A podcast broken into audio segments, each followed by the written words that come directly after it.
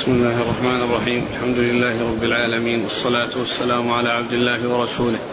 نبينا محمد وعلى آله وصحبه أجمعين. أما بعد. يقول أمير المؤمنين في الحديث أبو عبد الله محمد بن إسماعيل البخاري رحمه الله تعالى قال في كتابه الجامع الصحيح بسم الله الرحمن الرحيم. باب بدء الأذان وقوله عز وجل وإذا ناديتم إلى الصلاة اتخذوها هزوا ولعبا ذلك بأنهم قوم لا يعقلون. وقوله إذا نودي للصلاة من يوم الجمعة. قال حدثنا عمران بن ميسرة. قال حدثنا عبد الوارث. قال حدثنا خالد الحذاء عن أبي قلابة عن أنس رضي الله عنه أنه قال ذكروا النار والناقوس فذكروا اليهود والنصارى فأمر بلال أن يشفع الأذان وأن يوتر الإقامة. بسم الله الرحمن الرحيم. الحمد لله رب العالمين وصلى الله وسلم وبارك على عبده ورسوله نبينا محمد وعلى آله وأصحابه أجمعين. أما بعد يقول لنا البخاري رحمه الله كتاب الأذان. الأذان في اللغة الإعلام. الأذان في اللغة الإعلام. وهو مطلق. أي إعلام؟ فإنه داخل تحت لفظ الأذان. وأذان من الله ورسوله إلى الناس يوم الحج. الأكبر أن الله بريء من المشركين ورسوله. هذا من الإعلام اللغوي أو من الأذان اللغوي. ويطلق شرعا على الإعلام بدخول وقت الصلاة بألفاظ مخصوصة تبدأ بألله أكبر وتنتهي بلا إله إلا الله. وإذا فهو إعلام مخصوص.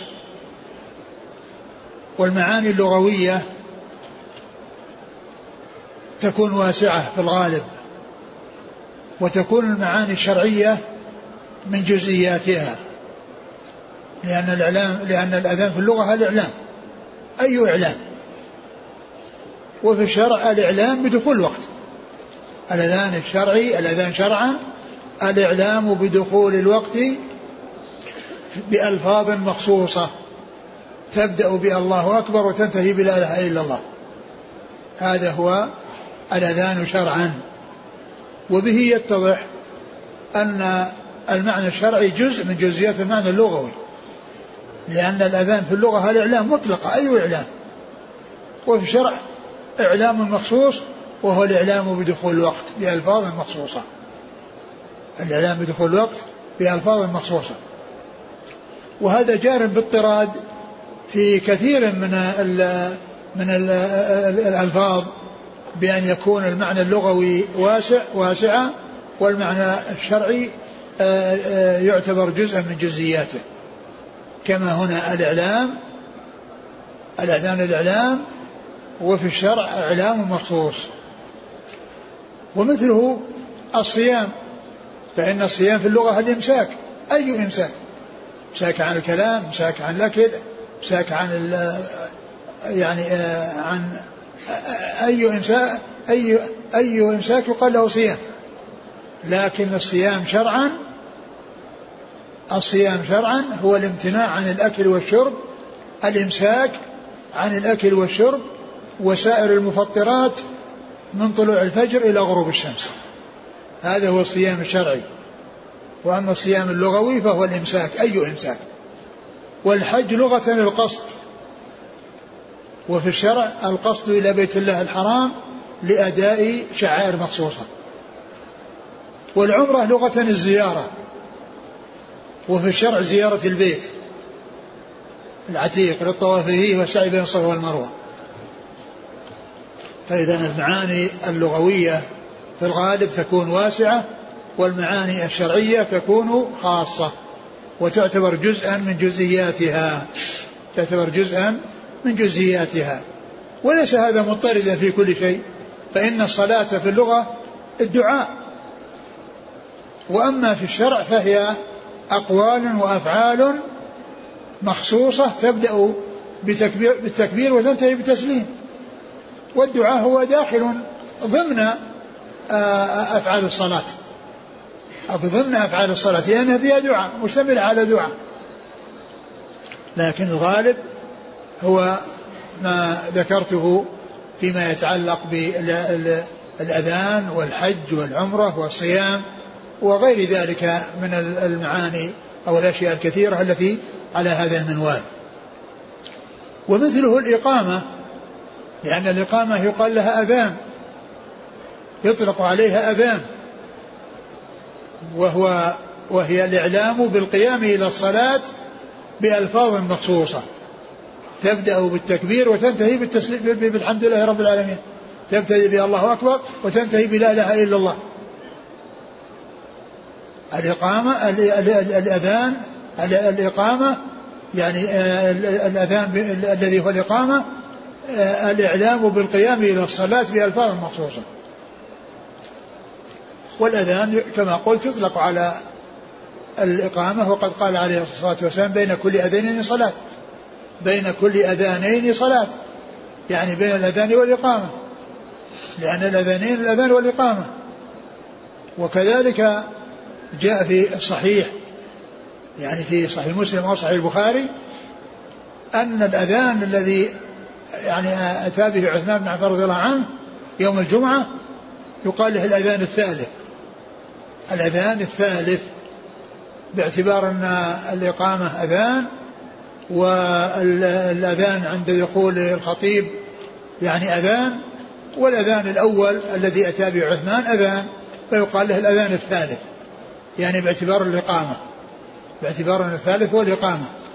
وكذلك الحديث الذي مر بنا قريبا وفيه أنهم أن زيد بن ثابت قال تسحرنا مع رسول الله صلى الله عليه وسلم ثم قمنا إلى الصلاة قيل كم كان بين الأذان والسحور؟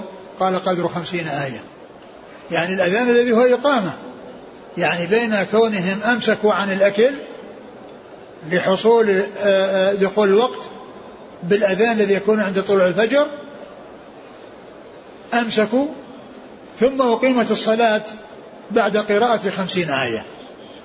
قال كم كان بين الأذان والسحور؟ قال قدر خمسين آية. الأذان الأذان المقصود به الإقامة. فإذا الإقامة يقال لها أذان لأنها إعلام بالقيام إلى الصلاة والأذان الذي هو النداء للصلاة في أول وقتها حتى يأتي من يكون من تكون صلاة الجماعة واجبة عليه وحتى يصلي في البيوت من لم تجب عليه من النساء وغيرهم. ممن يلحق بهم كالمرضى وغيرهم ممن لا يستطيع مجيء المسجد ثم إنه ذكر بعد ذلك بدء الأذان. والأذان شرع في المدينة. وقد شرعت الصلاة بمكة قبل الهجرة بثلاث سنوات. ولم يكن هناك أذان. وأما في المدينة فإنه شرع شرع الأذان فيها. الأذان الذي هو الاعلام بدخول الوقت. وقد أورد وقد أورد البخاري رحمه الله في في في هذا الباب آيتين. والمقصود من إيرادهما أنه ذكر فيهما الأذان. ذكر فيهما الأذان النداء الذي هو الأذان. يعني ذكرهما لأن هاتين الآيتين ذكر فيهما الأذان الذي هو النداء وإذا ناديتم إلى الصلاة اتخذوها هزوا والعلم ذلك بأنهم قوم لا يعقلون. يا أيها الذين آمنوا إذا نودي الصلاة يوم الجمعة فاسعوا إلى ذكر الله. فذكر الأذان بلفظ النداء في القرآن في هاتين الآيتين. ومن أجل ذلك أورد البخاري رحمه الله هاتين الآيتين وذكرهما هنا للإشارة إلى أن الأذان قد ذكر فيهما. الأذان قد ذكر فيهما وأشير إليه فيهما وهو بلفظ النداء. والنداء يقال له أذان. إذا سمعتم النداء فقولوا مثل ما يقول المؤذن. إذا سمعتم النداء أي الأذان. فقولوا مثل ما يقول المؤذن. ثم ذكر حديث ابن عمر رضي الله تعالى عنهما. حديث أنس. حديث أنس رضي الله تعالى عنه. ان ان أنه ذكر الناقوس ذكر الناقوس والنار. نعم. ذكر الناقوس والنار واليهود والنصارى. ذكر الناقوس والنار واليهود والنصارى. يعني أن يعني هؤلاء لهم يعني آه، أعمال تتعلق بعباداتهم يعني آه، يعني بالإشعار بها. فيعني النصارى عندهم الناقوس وهو خشبة صغيرة تضرب بخشبة كبيرة يطلع لها صوت ويكون هذا هو الإعلام عندهم. وكذلك إشعال نار كما جاء في هذا الحديث. وكذلك القرن أو البوق الذي ينفخ فيه فيصير فيطلع منه صوت. ف آه، الرسول عليه الصلاة والسلام لما ذكرت هذه الأشياء وكانوا تشاوروا أو شاور النبي صلى الله عليه وسلم أصحابه في ذلك فذكر ما كان عند النصارى وما كان عند اليهود فأعرض عن ذلك لابتعاد عن المشابهة ثم إنه يعني شرع لهم الأذان الذي هو بألفاظ مخصوصة. وقد جاء ذلك على رؤيا رآها بعض الصحابة يعني عبد الله عبد, عبد الله بن زيد بن عبد ربه وكذلك عمر رضي الله تعالى عنه. يعني جاء رؤية يعني في الرؤيا في المنام يعني إلقاء, الأذان عليهم وأن عبد الله بن زيد رضي الله عنه أخبر بذلك رسول الله عليه الصلاة والسلام وقال إنها رؤيا حق وأمره بأن يلقيه على بلال لينادي به وليؤذن به وليؤذن به. وقد قيل إنهم كانوا في أول الأمر آه يعني ينادون بقول الصلاة أو الصلاة جامعة الصلاة أو الصلاة جامعة.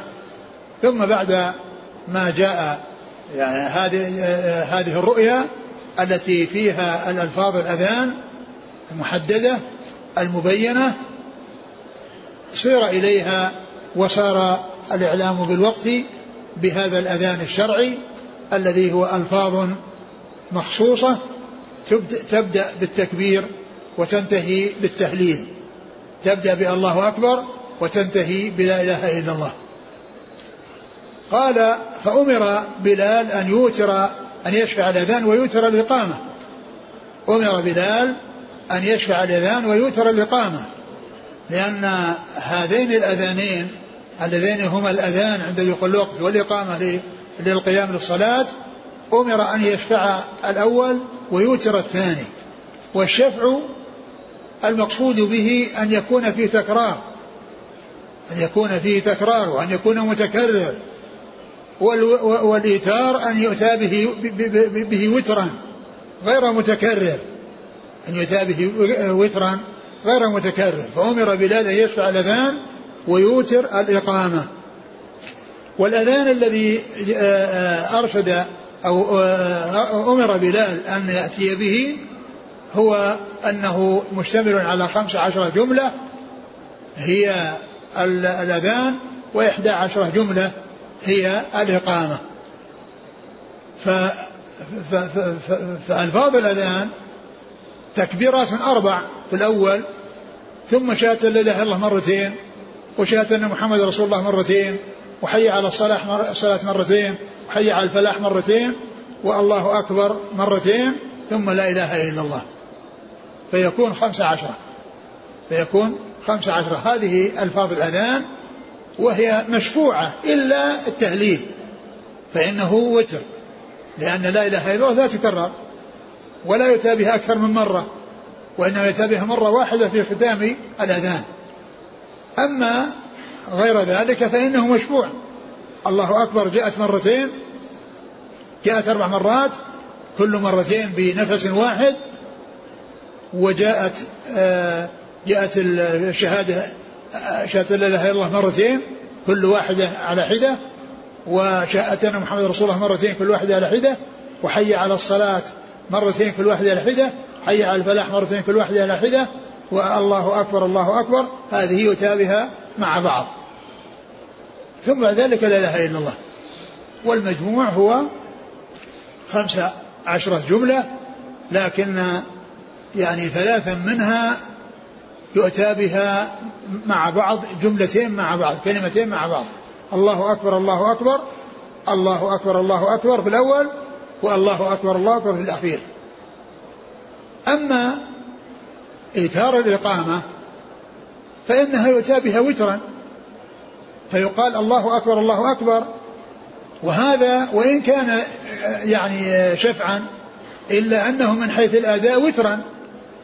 لأن التكبيرات الأربعة اللي في الأول يؤتى بها الله أكبر الله أكبر الله أكبر الله أكبر. راح راح نصها وبقي النصف الثاني. فصار وترا بمعنى أنه يؤتى بها وإن كان جملتين بلفظ واحد وبنفس واحد. فهي يعني فهي موترة قال لها. ثم أشهد أن لا إله إلا الله مرة وأشهد أن محمد رسول الله مرة على الصلاة مرة على الفلاح مرة. وبعدين الله أكبر الله أكبر يتابعها على ما هي عليه بنفس واحد ثم لا إله إلا الله. المجموع 11 المجموع 11 جملة. أمر بلال أن يشفع الأذان ويوتر الإقامة. ثم إنه جاء يعني في, في يعني ما يدل على أن الإقامة يضاف إليها قد قامت الصلاة. ويؤتى بها مرتين. يعني مشفوعة.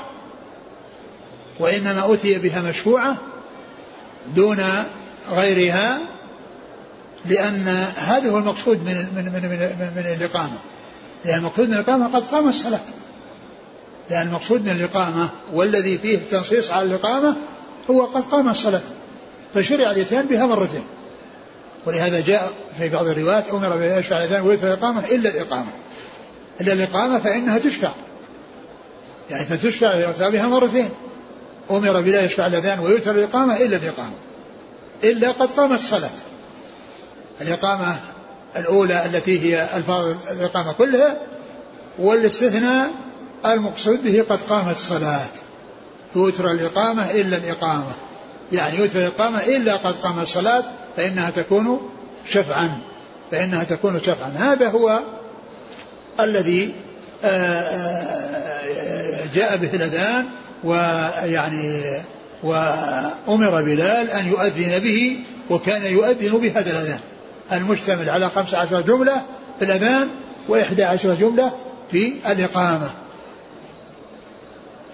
وقوله يوتر الإقامة يوتر يشفع الأذان هذا يدل على أن الله أكبر الله أكبر أنها وتر تعتبر. ما تعتبر شفع لأنه أتي بها بنفس واحد. ومما يدل على ذلك أن الرسول عليه الصلاة والسلام كما في حديث عمر في صحيح مسلم قال إذا قال المؤذن الله أكبر الله أكبر. قال أحدكم الله أكبر الله أكبر. يعني معناه أنه يتابع مع بعض. إذا قال المؤذن الله أكبر الله أكبر يقول أحدكم الله أكبر الله أكبر. فهذا يعني فيه يعني يعني إيتار الإقامة لأنها ذكر يعني لفظين بنفس واحد فكانت على النصف من الأذان لأن الأذان الله أكبر الله أكبر الله أكبر الله أكبر.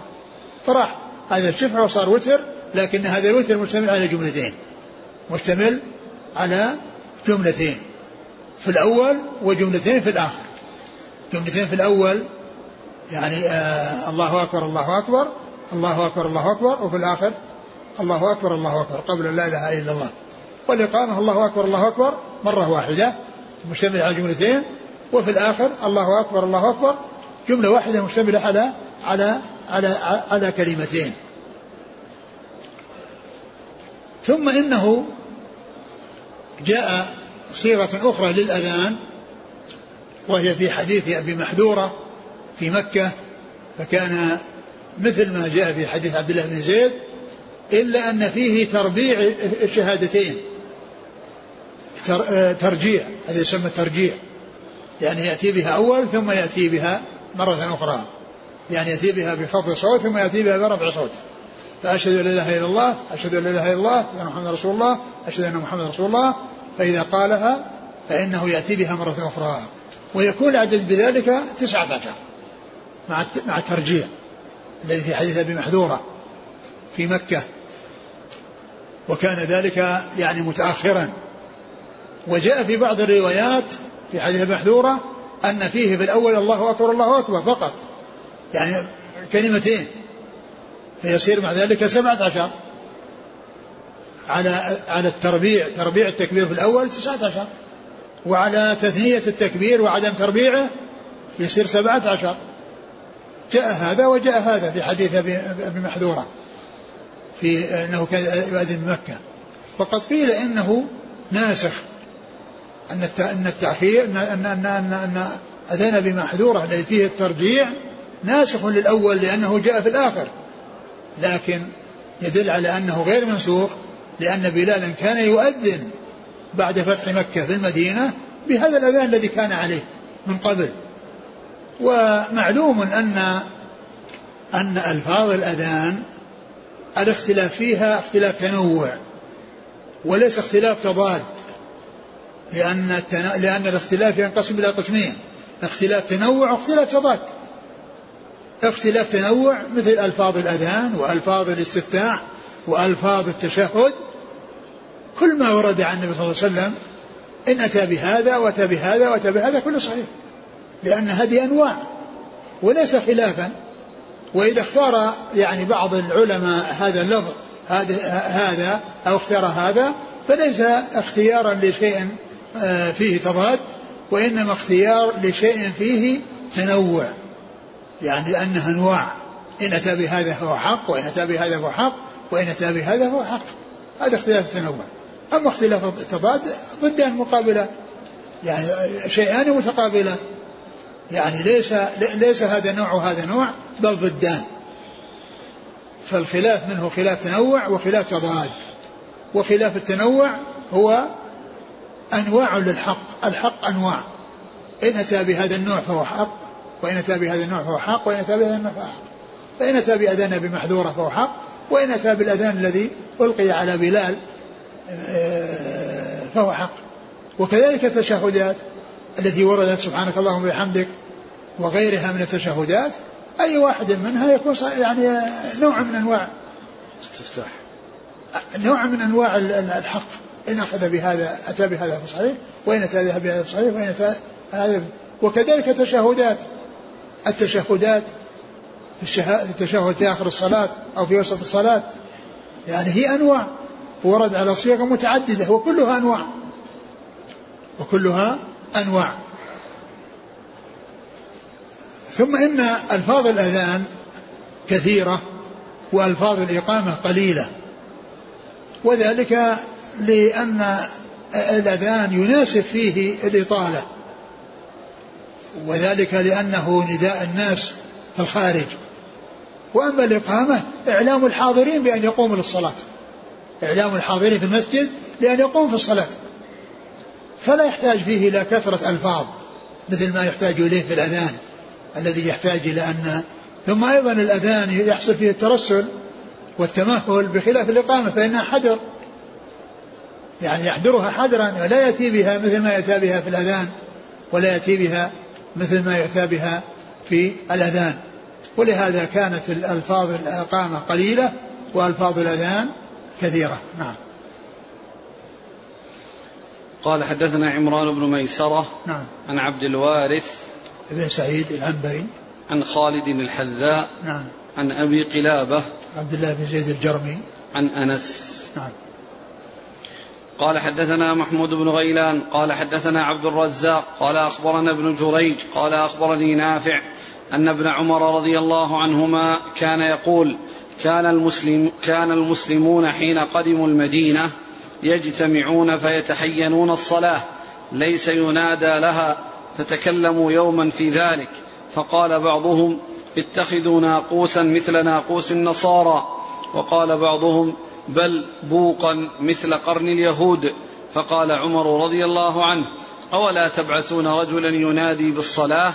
فقال رسول الله صلى الله عليه وسلم يا بلال قم فنادي بالصلاة.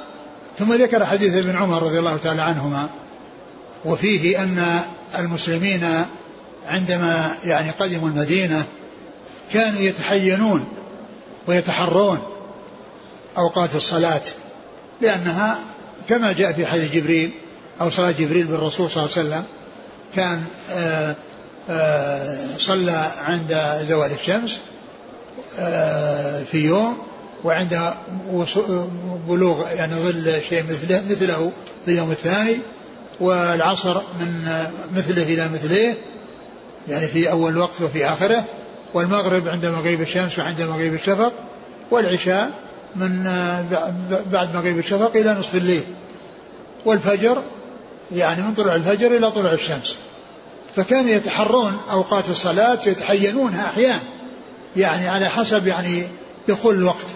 الذي هو محدد بهذه العلامات المشهورة الواضحة التي يعرفها كل أحد لأنها مبنية على أمور تتعلق برؤية الشمس ورؤية طلوعها وغروبها وزوالها وظل الشيء كذا وظله طوله كذا. أمور يعني مشاهدة معروفة لا يختص بها أهل الذكاء والفطنة والحساب والدقة في وإنما أي إنسان العامي والبدوي والحضري والبدوي والعامي وغير العامي كلهم يعرفون هذا. كلهم يعرفون هذا لأن علامات العبادة مبنية على أمور مشاهدة معاينة فيما يتعلق بالصلاة لها أوقات الصيام له أوقات طلوع الفجر إلى غروب الشمس والحج له أوقات وهكذا. فكانوا ف فقال بعضهم يعني بوقا كبوق اليهود أو يعني أو ناقوس كناقوس النصارى ثم إنهم تركوا ذلك من أجل عدم المشابهة. وقال عمر ألا يا رسول ألا تأمر أحد فينادي بالصلاة؟ قال قم يا, يا, يا, يا بلال فنادي بالصلاة. وفسر هذا بأنه إما أنه النداء الذي حصل يعني أري أريه, أريه عبد الله بن زيد بن عبد ربه وكذلك عمر أو أنه كان هذا في الأول وأنه يعني يقول بدل يعني يأتي بالصلاة بلفظ الصلاة أو الصلاة جامعة الصلاة أو الصلاة جامعة أو أنه الأذان الذي هو فيه الإيتار والإشفاع. شفع الأذان وإيتار الإقامة. نعم. قال حدثنا محمود بن غيلان نعم. عن عبد الرزاق نعم. عن ابن جريج نعم.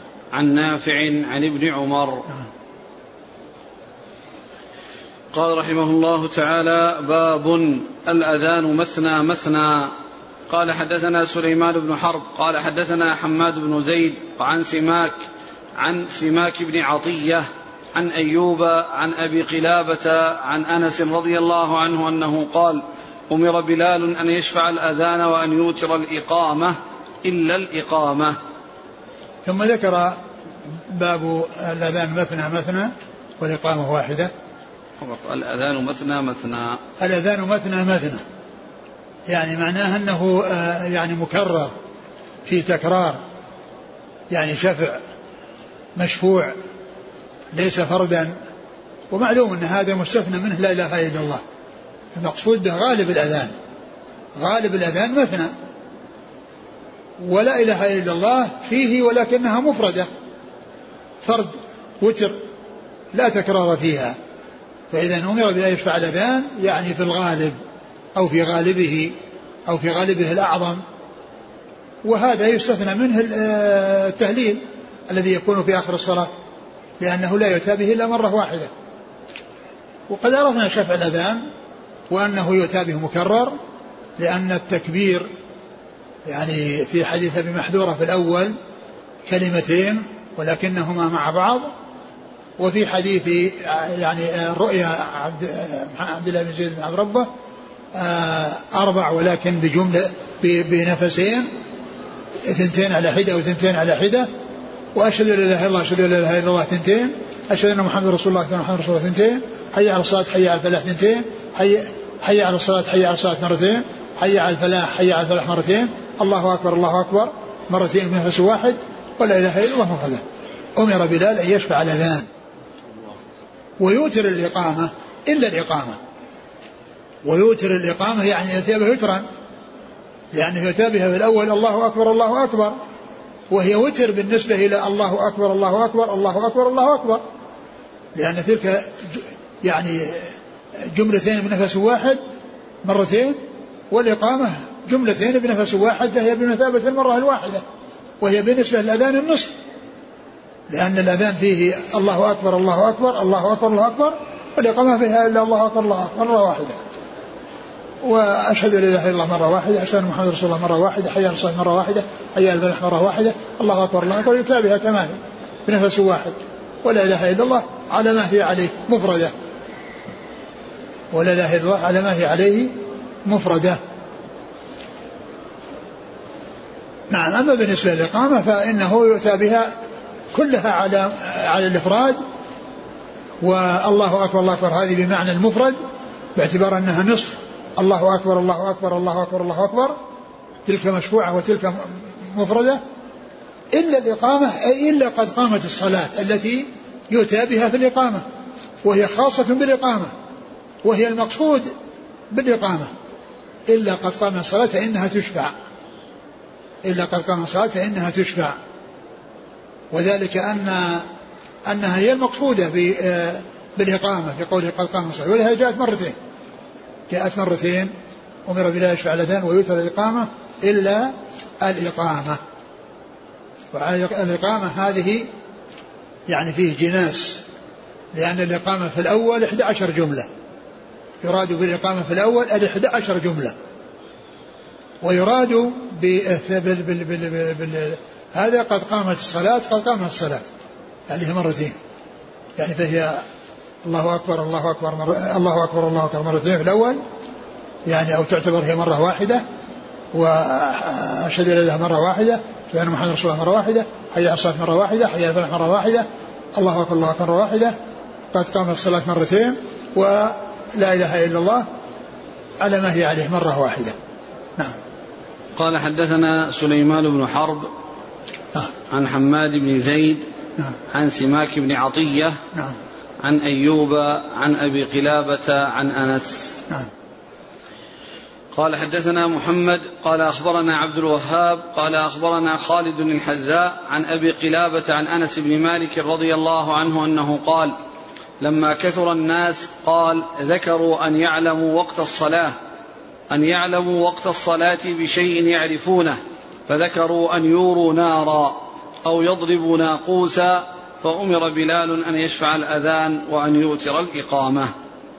ثم ذكر حديث أنس رضي الله عنه أنه لما كثر الناس يعني بعد الهجرة وكثر الناس احتيج إلى أنهم يعني يحتاجون إلى ندائهم.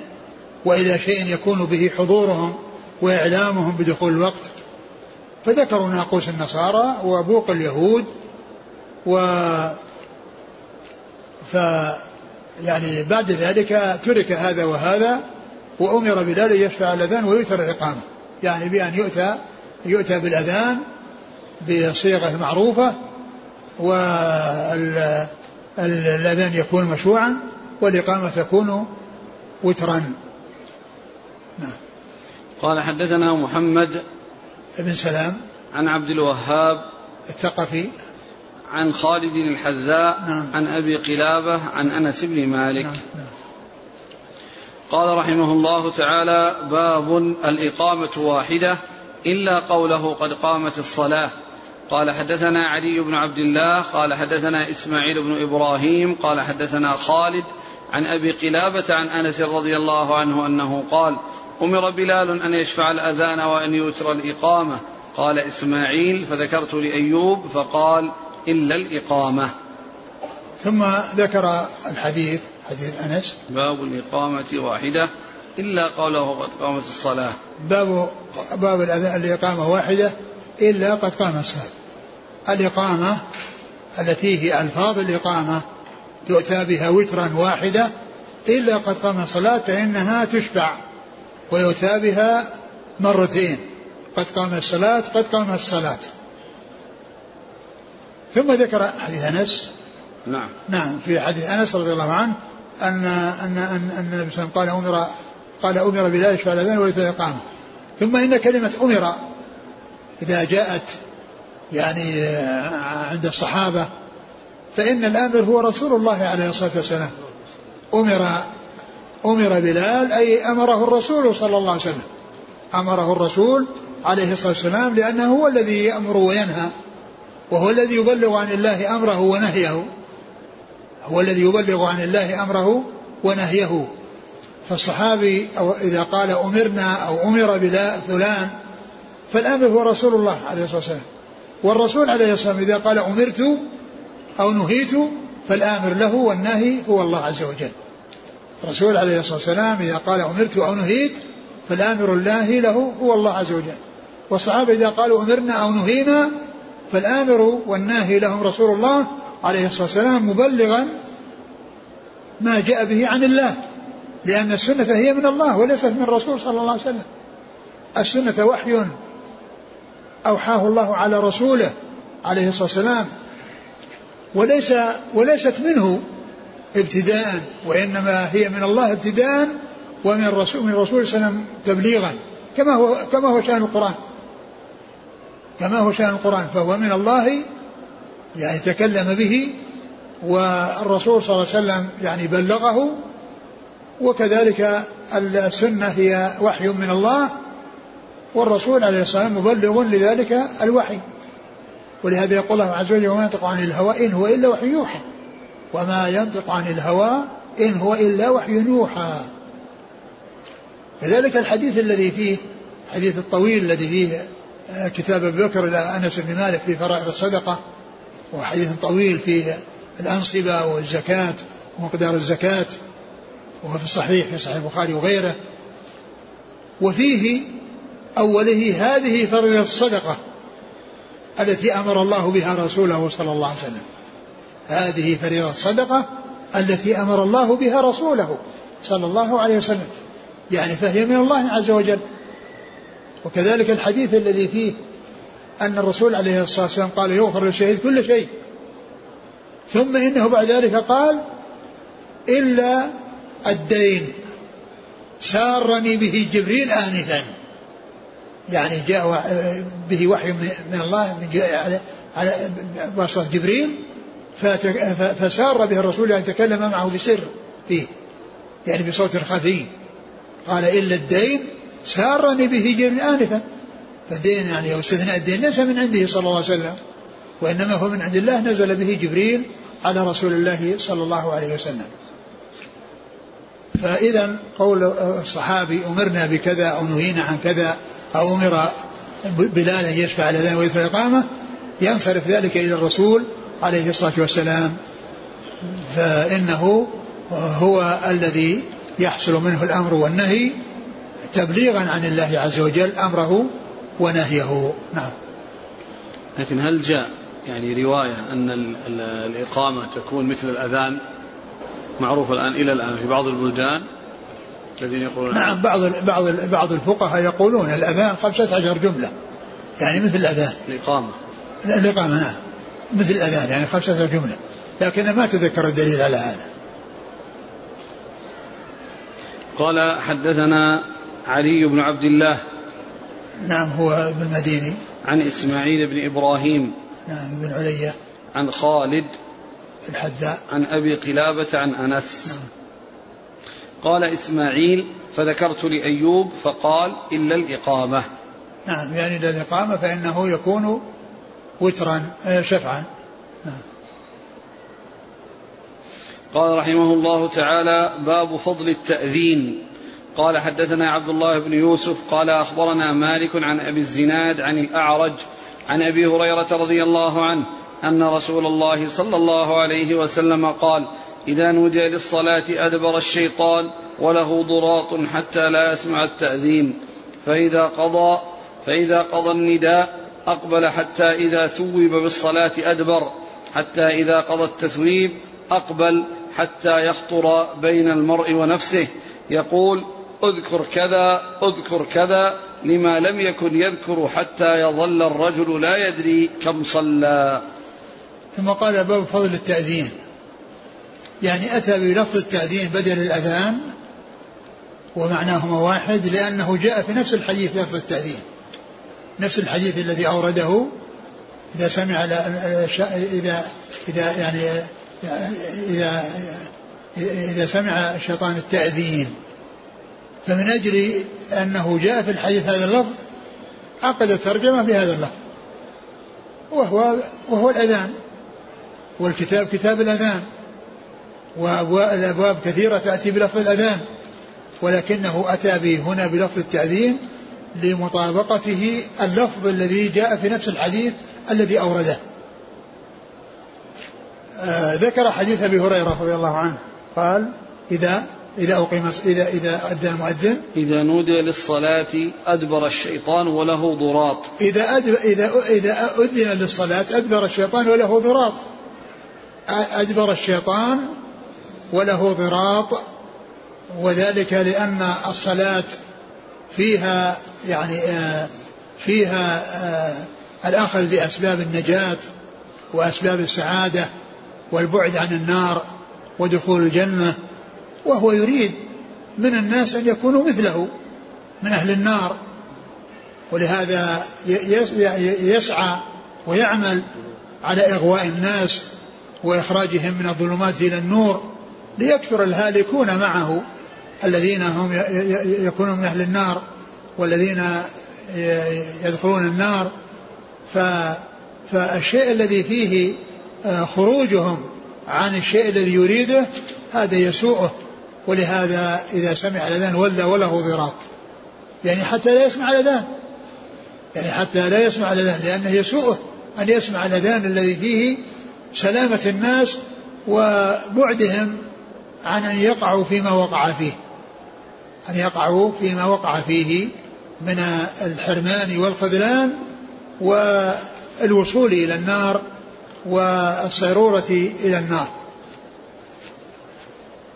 فإذا فرغ الأذان رجع. رجع لأن ذكر الله عز وجل الذي ينادى ويرفع انتهى. فإذا ثوب بالصلاة يعني أقيمت الصلاة وطلع الصوت مرة ثانية بالإقامة أيضا هرب حتى لا يسمع ذكر الله عز وجل بالقيام إلى الصلاة. ثوب يعني آه، أتي بالإقامة. يعني وثوب يعني معناه أنه رجع. يعني الشيء الذي كان موجود رجع إليه. لأنه فيه ترداد يعني يعني فيه ترداد التثويب فيه ترداد ولهذا جعلنا مثابة للناس وأمنا مثابة للناس وأمنا يعني يترددون عليه. مثابة للناس يترددون عليه. يصدرون ويردون يذهبون ويرجعون. فكذلك الأذان في الأول حصل ثم انتهى وبعد فترة تقام الصلاة فيسمع التثويب في فيفر كما فر في الأذان. ثم إذا انتهى التثويب رجع وصار مع بين الإنسان وبين نفسه يذكره أشياء ما كانت تخطر على باله إلا في الصلاة. يعني ينشغل يشغله بأن يفكر اذكر كذا اذكر كذا اذكر كذا وتجده يعني ينشغل بالصلاة عن عن ينشغل بهذه الأشياء التي يذكر بها الشيطان عن الصلاة والإقبال عليها والخشوع فيها. اذكر كذا اذكر كذا لأشياء ما كان يذكرها. فلا يدري ماذا ما صلى. يعني انشغل بهذه التفكيرات عن صلاته. حتى حتى يصل الأمر إلى أنه ما يدري يصلى. لأنه انشغل عن العبادة بهذه التي يذكر بها الشيطان والتي يلقي على الإنسان أن يشتغل فيها وأن يفكر فيها فينشغل عن صلاته. اذا من فضل الأذان أن الشيطان يهرب. يعني يهرب منه. ومعنى ذلك أنه ما هرب إلا من خير. ما هرب إلا من خير. وهو آه، كتب الله له الشقاوة وهو يريد أن يكون كثير من الناس على على ما كان عليه وأن يحصل لهم الحرمان كما حصل له الحرمان. فإذا هذا يدل على فضل الأذان. يعني يكون الشيطان يعني يفر منه ويهرب منه حتى لا يسمع يعني هذا يدل على فضله وعلى أن ذكر هذا الصوت وسماع هذا الصوت أنه يعني يعني شيء يعني يسر لأن فيه الدعوة إلى عبادة الله والدعوة إلى الإتيان إلى المساجد للاشتغال بذكر الله والإقبال عليه سبحانه وتعالى والإتيان بهذه الصلوات الخمس التي فرضها الله اليوم والليلة. نعم. وولى وله ذراط يعني هو حقيقة يعني حقيقة لأنه يعني آه، لأنه مخلوق من مخلوقات الله ويحصل منه يعني آه، هذه الأشياء التي جاءت في الحديث. نعم. قال حدثنا عبد الله بن يوسف نعم. عن مالك عن أبي الزناد عن الأعرج. أبو الزناد هو عبد الله بن ذكوان وأبو الزناد لقب على صيغة الكنية وكنيته أبو عبد الرحمن. والأعرج هو عبد الرحمن بن هرمز مشهور بلقبه الأعرج. نعم. عن أبي هريرة. نعم. قال رحمه الله تعالى باب رفع الصوت بالنداء. وقال عمر بن عبد العزيز أذن أذانا سمحا وإلا فاعتزلنا. قال حدثنا عبد الله بن يوسف. قال أخبرنا مالك عن عبد الرحمن بن عبد الله بن عبد الرحمن بن أبي صعصعة الأنصاري ثم المازني. عن أبيه أنه أخبره أن أبا سعيد الخدري رضي الله عنه قال له إني أراك تحب الغنم والبادية فإذا كنت في غنمك أو باديتك فأذنت بالصلاة فارفع صوتك بالنداء فإنه لا يسمع مدى صوت المؤذن جن ولا إنس ولا شيء إلا شهد له يوم القيامة. قال أبو سعيد سمعته من رسول الله صلى الله عليه وسلم. ثم ذكر رفع الصوت بالأذان وبالنداء ويعني و ومعلوم أن رفع الصوت يعني من أجل أن يسمع الناس يسمع الناس النداء فيأتون إلى الصلاة. فإذا كانوا في البلد يسمع الناس في بيوتهم فيأتون. وإذا كان في غير البلد وفي بر فقد يسمعه ناس يعني من قريب منه. وهو لا يراهم ولا يرونه ولكن الأذان دل بعضهم على بعض فيجتمعون للصلاة. وإن لم يحصل شيء من هذا فإن رفع الصوت يعني يحصل به آه، يعني هذا الثواب وهو أن كل من سمعه من جن وإنس وكل شيء من مخلوقات الله عز وجل فإنها تشهد له تشهد له يوم القيامة. وهذا يدل على فضل الأذان. هذا يدل على فضل الأذان وأن الإنسان يؤذن ولو كان وحده للصلاة. يعني ولو كان وحده. مثل هذا الذي جاء في هذا الحديث. أن أن النبي صلى الله عليه وسلم قال إني أراك تحب البادية فإذا أذنت فارفع صوتك بالنداء فإنه لا يسمعك إنس ولا جن ولا شيء إلا شهد لك يوم القيامة. فهذا يدل على فضل الأذان ويدل على أن الأذان يحصل وإن لم يعني يحصل العدد وإن لم يكن هناك أحد ينادى معروف يعلمه الإنسان عندما يؤذن لأن الإنسان في البر وحده يؤذن يرفع صوته. وهو لا يعلم أن فيه أحد من الناس لكن قد يكون أحد من الناس يكون قريب منه مختفي بشجر أو حال بينه وبين شجر أو حال بينه وبينه يعني جبل صغير أو غير ذلك من العوائق من الأشياء العوائق التي يعني الحواجب التي تحجب الناس بعضهم عن بعض. وإن لم يحصل لا هذا ولا هذا فإن آه، من يسمع من الجن الذين لا يراهم الإنسان وهم يرون الإنسان إنه يراكم وقبيلهم حيث لا ترونهم وكذلك المخلوقات الأخرى التي تسمع ويعني فإنها تشهد له يوم القيامة. قال حدثنا قال عبد عمر بن عبد العزيز أذن أذانا سمحا وإلا فاعتزلنا. يعني هذا كان أثر جاء عن عمر أنه قال لمؤذن يؤذن وكان يطرب في أذانه فقال أذن أذانا سمحا وإلا فاعتزلنا. قال حدثنا عبد الله بن يوسف عن مالك عن عبد الرحمن بن عبد الله بن عبد الرحمن بن أبي صعصعة الأنصاري ثم المازني. عن ابيه عن أبيه نعم. عن أبي سعيد. نعم. قال رحمه الله تعالى باب ما يحقن بالأذان من الدماء.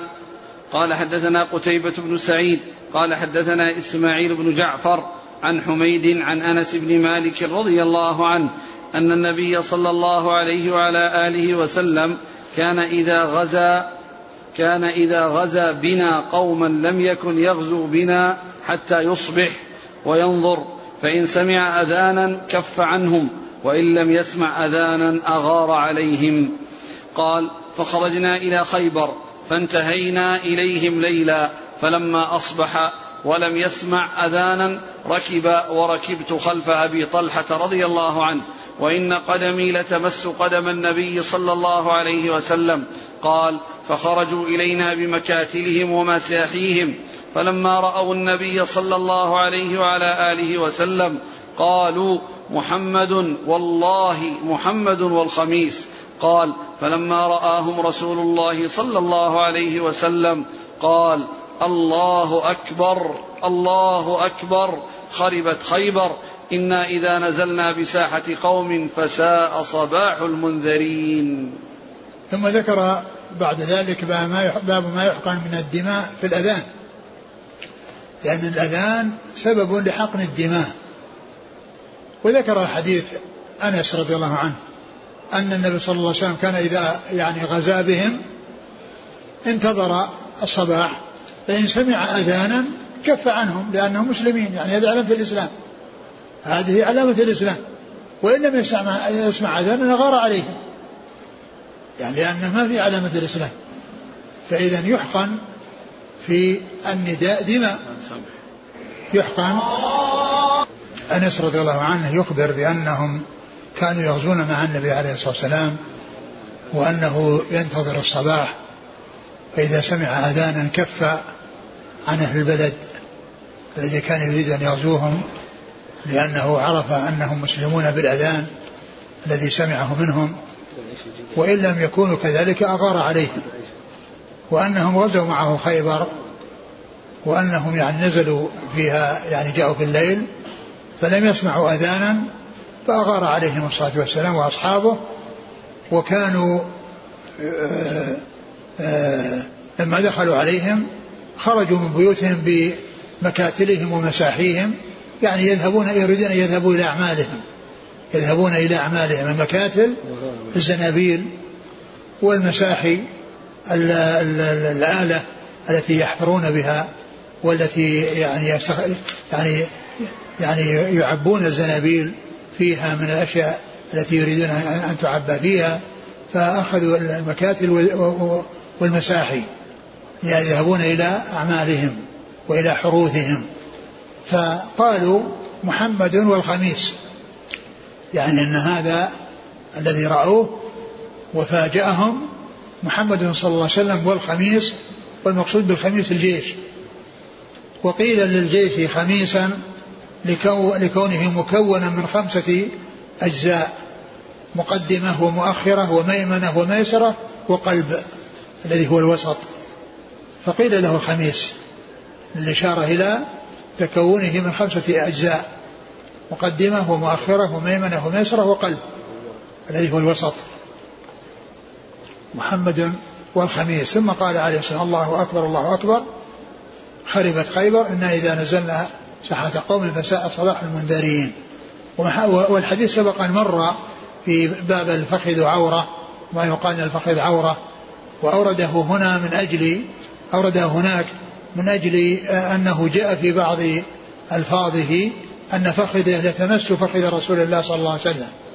وهنا في الرواية اللي معنا قدم قدم الرسول صلى الله عليه وسلم. الرواية التي معنا فيها ذكر القدم وهناك ذكر الفخذ. والمقصود أنها تمسه لأنهم في زقاق ضيق. فكانت الدابة بجوار الدابة حتى أن الراكبين يعني يمس بعضهم جسد بعض للتقارب الذي بين الدابتين بسبب ضيق الطريق وضيق السوق الذي يكون بين البيوت. ويقال له زقاق يعني حيث يكون يعني ضيقا. ومحل الشاهد منه ما جاء في أوله من أنه كان إذا أراد يعني هذا إذا سمع أذانا ترك وإن لم يسمع غار وذكر في مثال من هذه الأمثلة وهو خيبر وأنهم غزوها مع الرسول صلى الله عليه وسلم فلم يسمع أذانا فصبحهم عليه الصلاة والسلام نعم. قال حدثنا قتيبة بن سعيد. عن إسماعيل بن جعفر نعم. عن حميد عن أنس. حميد بن أبي حميد الطويل. وهذا الإسناد من رباعيات. من رباعيات الإمام البخاري رحمه الله. قال رحمه الله تعالى باب ما يقول إذا سمع المنادي. والله تعالى أعلم وصلى الله وسلم وبارك على عبده ورسوله نبينا محمد وعلى آله وأصحابه أجمعين. جزاكم الله خيرا وبارك الله فيكم. ألهمكم الله الصواب وفقكم للحق. نفعنا الله ما سمعنا غفر الله لنا ولكم والمسلمين أجمعين. آمين. يقول هل للإنسان أن يؤذن ليطرد به الشيطان؟ ليس للصلاة. ما نعلم شيء يدل على هذا. الآن بعض الرقاة يستخدم كذلك من أنواع الرقية يرقي بأن يؤذن. في غير وقت صلاة يقول ما أعلم ما أعلم شيء يدل على يستدل بهذا لأن الشيطان يدبر. بس هذا جاء في, في, في أذان الصلاة. هل يجوز جعل الأذان في الجوال للتنبيه؟ ما في بأس. يعني يكون يعني يحدد وقت. مثلا قبل طلوع الفجر قبل الأذان بربع ساعة أو أكثر حتى يعني يسمع صوت. يعني إذا أتى بهما ما في بأس. بعض الناس يمسح عينيه عند قول عند سماع المؤذن أشهد أن محمدا رسول الله. هل ورد ذلك؟ لا أعلم شيء يدل عليه يقول هل هل الإقامة يحسن أن تكون بسماعات خارجية مثل الأذان تسمع من بعد؟ هناك من يقول لا الإقامة تكون داخل المسجد ما في داعي. يعني الذي يبدو الأمر في ذلك واسع. يعني جعلت يعني حتى بعض الناس يعني يدري أن الصلاة يعني حضرت لأن قد يكون بعض الناس أن الصلاة انتهت فلا يأتي. فإذا يعني وجد الصوت يعني معنى ذلك أن فيه مجال لأن يذهب. فإن وجدت لا بأس وإن تركت لا بأس.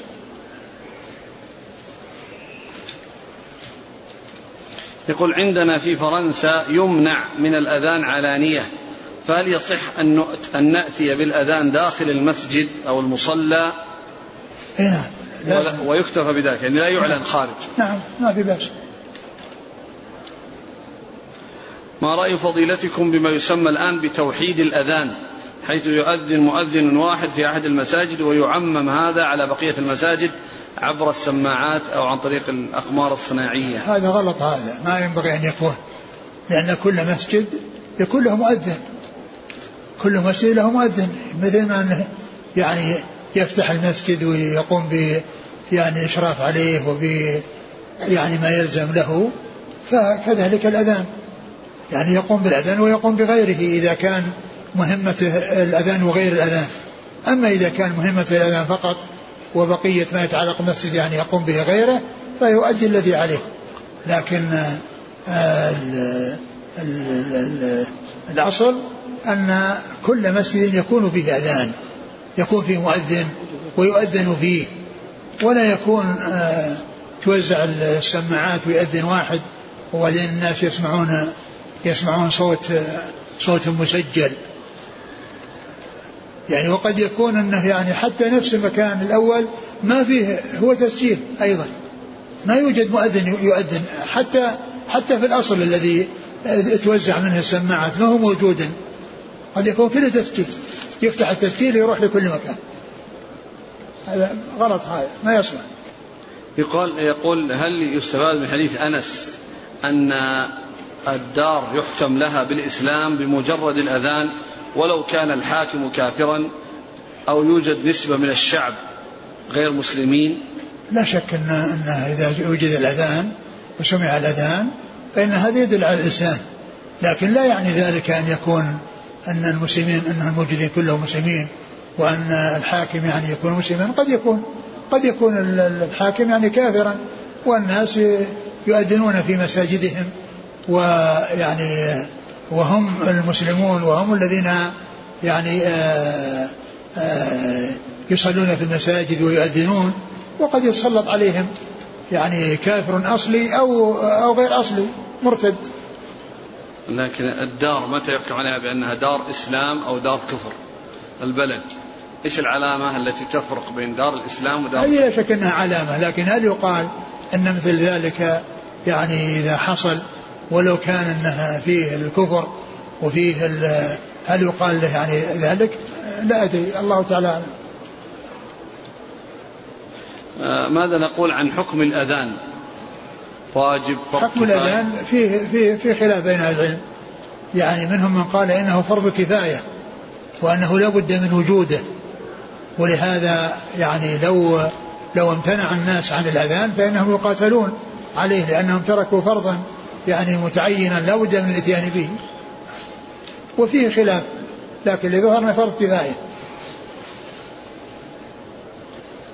هذا يقول أن ابن حجر ذكر أن الأذان شرع في مكة قبل الهجرة. لا ما ثبت هذا. ما ثبت أنه حصل بمكه وش ذكر شيء عن ذكر استدلال على هذا؟ أرسل لنا ورقة قال ذكر الحافظ بن حجر أن الأذان شرع في مكة فهو يطلب يقول يا شيخ ما هو الدليل على هذا الكلام؟ والله ما أعلم ما أعلم دليل على هذا. الدليل على أن الأذان شرع في المدينة. شرع في المدينة. يعني وإذا نذن للصلاة في المدينة. وإذا نودي للصلاة في المدينة.